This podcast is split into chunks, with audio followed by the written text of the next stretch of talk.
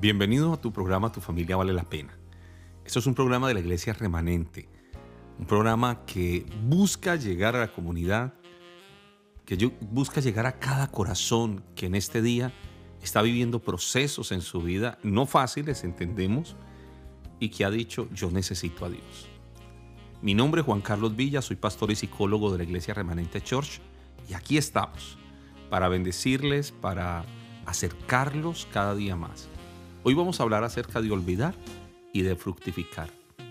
A veces eso es lo que se necesita, aprender a olvidar. Hay gente que me ha dicho, ¿se puede realmente olvidar? Tal vez lo que deberías es de restarle importancia a tu pasado. De eso se trata. Olvidar también es una decisión o dejar en el olvido. Permítanme hacerle una breve biografía de nuestro personaje principal para este, para este día, para este momento. Estaremos hablando de la vida de José y de los nombres que él puso a sus hijos. Déjeme recordarle que Jacob era padre de José. Jacob tuvo 12 hijos entre todos. De todos ellos, José era su hijo favorito. La Biblia da dos razones de este amor especial. Primero, José era el hijo mayor de Raquel, la esposa amada de Jacob. Segundo, José era el hijo de la vejez de Jacob. Jacob dio a José una túnica de diversos colores y esta túnica llegó a ser un símbolo de su amor. Cuando los hermanos de José vinieron cuando los hermanos de José vieron que su padre amaba más a José que a ellos, le aborrecían y no podían hablarle pacíficamente. La Biblia enseña, querido amigo, que José soñó un sueño que sus hermanos llegaron a aborrecerle más todavía. De hecho, José tuvo dos sueños. El primer sueño tuvo que ver con el atar de manojos en medio del campo. En este sueño, los manojos de sus hermanos se inclinaron al manojo de José. El segundo sueño también indicó que algún día los hermanos de José se inclinarían delante de él. Esta vez, el sol, la luna y once estrellas se inclinaron delante de José. Los hermanos de José estaban tan enojados que decidieron matarle. No obstante, al último momento cambiaron su pensar y lo vendieron como esclavo por 20 piezas de plata. Entonces tomaron la túnica de diversos colores de José y la tiñeron con sangre de un cabrito y dieron la túnica a su padre y le engañaron diciéndole que su hijo amado José había sido matado por una mala bestia. Mientras, José fue llevado a Egipto y llegó a ser el esclavo de un hombre rico que se llamaba Potifar. El Señor estaba con José y pronto su amo lo hizo mayordomo de su casa. Con todo, la esposa de Potifar amaba a José y trató de seducirle. Ella se empecinó, se obsesionó con José. Día tras día puso sus ojos en José y decía, duerme conmigo. Por fin, ella lo asió de su ropa y dijo otra vez, duerme conmigo. No obstante, José no pecaría contra Dios. Salió de la casa dejando su ropa en manos de ella. Por todo el Señor estaba con José. Con todas las circunstancias que José por las que José estaba pasando, el Señor estaba con él. Y con todo esto, aún en la cárcel, el Señor hizo prosperar todo lo que hacía José. El jefe de la cárcel confiaba en él y lo encargó a él del cuidado de todos los presos.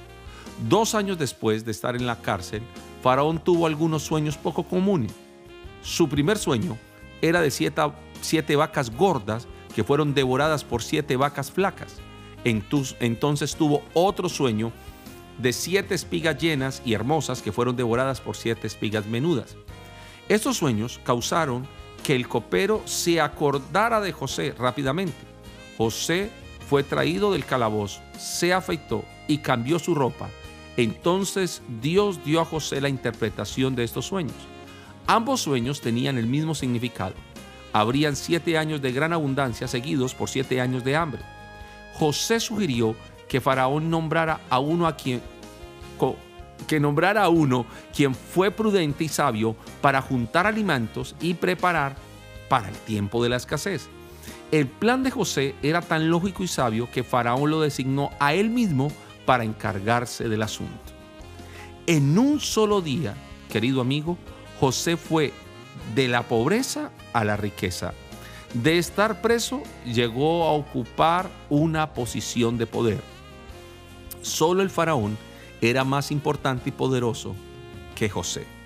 Toda esta biografía, para llegar a este momento cuando los hijos de José nacieron, determinaron un momento para su vida muy significativo. Ahora, es una nota importante que quiero decirles. Los nombres que José le puso a sus hijos determinó el rompimiento de una herencia de dolor y el olvido por donde tuvo que pasar. Los nombres son asignaciones proféticas que están alineadas con el carácter de quien lo posee. Un nombre es más que una palabra, es un destino profetizado. Un nombre judío es algo profundamente espiritual. En hebreo, un nombre no solo es el conjunto de letras, sino que el nombre revela las características esenciales de esa persona. Ahora bien, Dios reveló a José estos nombres ya que marcarían un antes y un después de su vida. Mira lo que sucedió al momento de nacer, de nacer sus hijos. El primero le puso Manasés, que quiere decir Dios me hizo olvidar. Y el segundo, Efraín, Dios me hizo multiplicar. Leamos las escrituras y miremos a profundidad esta palabra. Cuando Jacob bendijo a sus hijos, instó colocar su mano derecha sobre Efraín el más joven, y la izquierda sobre Manasés, con el objeto de poner al más joven por delante del mayor, la fructificación por encima del pasado, para indicar que Efraín llegaría a ser más grande que Manasés. Qué hermosa esa palabra. En Génesis 45:5 dice, pero ahora, por favor, no se aflijan más, ni se reprochen el haberme vendido pues en realidad fue Dios quien me mandó delante de ustedes para salvar vidas. Dos cosas sucedieron con los hijos de José, Efraín y Manasés. Dos cosas que marcarían el propósito de Dios con este varón. Manasés quiere decir Dios me hizo olvidar y Efraín, Dios me hizo multiplicar.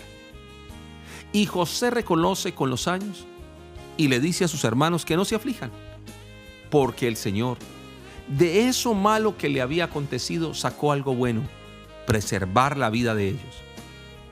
En Joel 3.10 dice la Biblia, vas a aprender a tomar de eso malo, a hacer tu mejor temporada. Tal vez está pasando tu matrimonio por un mal momento, una mala racha, decimos en nuestros países latinoamericanos. Una mala racha, un mal momento. Pero la Biblia dice que Dios tiene el poder para hacerte olvidar y para llevarte a fructificar. Por eso dice Joel 3:10, forjad espadas de vuestros asadones y lanzas de vuestras hoces, diga el débil, fuerte soy. De un asadón, haga una espada. De una hoz, haga una lanza. De eso que está pasando contigo, querido amigo y hermano que me escucha, haga lo mejor la mejor temporada. Dígale, Señor, quiero dar el más grande testimonio de lo que me está sucediendo. Recuerde, Dios me hizo olvidar y Dios me hizo fructificar. Así que número uno, Dios me hizo olvidar, que es el nombre de Manasés. En Génesis 41, 51 dice, y llamó José el nombre del primogénito Manasés, porque dijo, Dios me hizo olvidar todo mi trabajo y toda la casa de mi padre. Las circunstancias que vivió José a cualquiera le hubiesen servido para tener una perfecta excusa para vivir una vida de frustración, de temor o de depresión o desórdenes emocionales. Pero podemos aprender de José que se puede olvidar ese dolor que te atormenta o el pasado del abuso sexual, emocional o físico. Esto con la ayuda de Dios. Debemos aceptar que muchas veces tenemos que aceptar que muchas veces la realidad de la persona que nos ha tratado mal, que, que nos dañó, eso que te marcó, eso que, que te dolió, no es más, sino un espacio o algo temporal.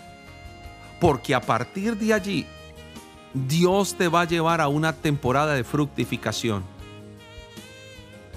Escúcheme esto. Tal vez lo que estás viviendo no es un estado permanente en tu vida, sino el propósito de Dios de tomar eso que te ha sucedido como tu más grande y mayor testimonio. Eso es tu manasés. Y tu manasés es eso. Manasés quiere decir olvidar el trabajo, el dolor, la angustia. Es inevitable. La Biblia dice que en el mundo tendremos aflicciones. No te puedo vender un evangelio de prosperidad donde solamente todo va a ser happy. Porque si nuestro Señor vivió y pasó procesos, créame que nosotros también los viviremos. Pero todas estas cosas, recuerde que vamos de Manasés a Efraín. Vamos de lo temporal, de la aflicción, a la multiplicación. Porque esa es la otra palabra. Dios, Dios te hace multiplicar. Y ese es el propósito de Él. Así que antes de ir a multiplicación, aprenda esto. Olvidar debe de ser una determinación en ti. En Isaías 43, 18 dice, no os acordéis de las cosas pasadas ni traigáis a memoria las cosas antiguas. He aquí yo hago nueva todas las cosas, pronto saldrá a la luz, no la conoceréis, otra vez abriré camino en el desierto y ríos en la soledad. Olvidar es sanidad también. Dice la escritura en Isaías 54, 4, no temas, pues no serás confundida y no te avergüences porque no serás afrentada, sino que te olvidarás de la vergüenza de tu juventud y la afrenta no tendrás más memoria. Te olvidarás del pecado, porque él dice el Señor en el Salmo 103, 12, que hará, hará apartar de ti, como está lejos el oriente del occidente, hará apartar de ti tus rebeliones. También el Señor te hace olvidar del dolor Dice la Biblia que claman los justos, el Señor los oye y los libra de todas sus angustias. Te hará olvidar la vergüenza. Isaías 54 dice, no temas porque no serás confundida y no te avergüences porque no serás afrentada, sino que te olvidarás de la vergüenza de tu juventud. La otra palabra para cerrar este programa es importante. Dice la Biblia en Génesis 41, 52, y llamó el nombre del segundo Efraín porque dijo, Dios me hizo fructificar. Qué lindo Dios. Fructificar quiere decir doble fruto en la tierra de mi aflicción. La evidencia de tu restauración es el doble fruto. En el Salmo 1.3 dice que serás como árbol plantado junto a corrientes de agua que da su fruto a su tiempo y su hoja no cae y todo lo que haga prosperará. La, fructificación es un ciclo de bendición para ti. Dice la Biblia que no elegimos nosotros al Señor, sino que Él nos eligió para que llevemos fruto y ese fruto permanezca. Así que Dios te quiere hacer fructificar en familia. Dios hace habitar en familia a los desamparados, saca a los cautivos a prosperidad, mas los rebeldes habitan en tierra seca. Hoy el Señor hace fructificar tu vientre. Señor hace fructificar tus finanzas. En Deuteronomio 8:18 dice, si no acuérdate del Eterno tu Dios, porque Él te da el poder para hacer las riquezas. Dios hace fructificar tu naturaleza. Por cuanto sois hijos, Dios envió a vuestros corazones el espíritu de su Hijo con el cual claman, yo tengo Padre. Dios hace fructificar tu salud. Dice la escritura en Jeremías 30, 17, mas yo haré venir sanidad sobre ti y sanaré tus heridas, dice el Eterno, porque desecha te llamaron diciendo, esta es de la que esta es de la que nadie se acuerda. En Jeremías 33, 6 dice, yo traeré sanidad y medicina y te curaré y te revelaré abundancia de paz y verdad. Recuerde la fructificación del Señor. Diciendo en Marcos 16, 17, y estas señales seguirán a los que creen. En mi nombre echarán fuera demonios, hablarán nuevas lenguas, Tomarán en las manos serpientes y si bebieren cosa mortífera no les hará daño. Sobre enfermos pondrán sus manos y sanarán. Todo eso tiene que ver con fructificación. La gloria postrera de esta casa será mayor que la primera. Y Dios quiere hacerte fructificar. Yo no sé por cuánto dolor has pasado o tu matrimonio, o tal vez has perdido, ah, has intentado quedar en embarazo, han, han pasado algunos meses de embarazo y has perdido el bebé. Pero hoy el Señor quiere hacerte fructificar, diciendo que te va a hacer olvidar ese dolor. Señor, gracias por glorificarte en tus hijos. Gracias por tu bendición. Gracias, Señor, por hacerles fructificar en familia. Amén y amén. Que Dios les bendiga y les guarde. Nos vemos en un próximo programa. Hasta entonces.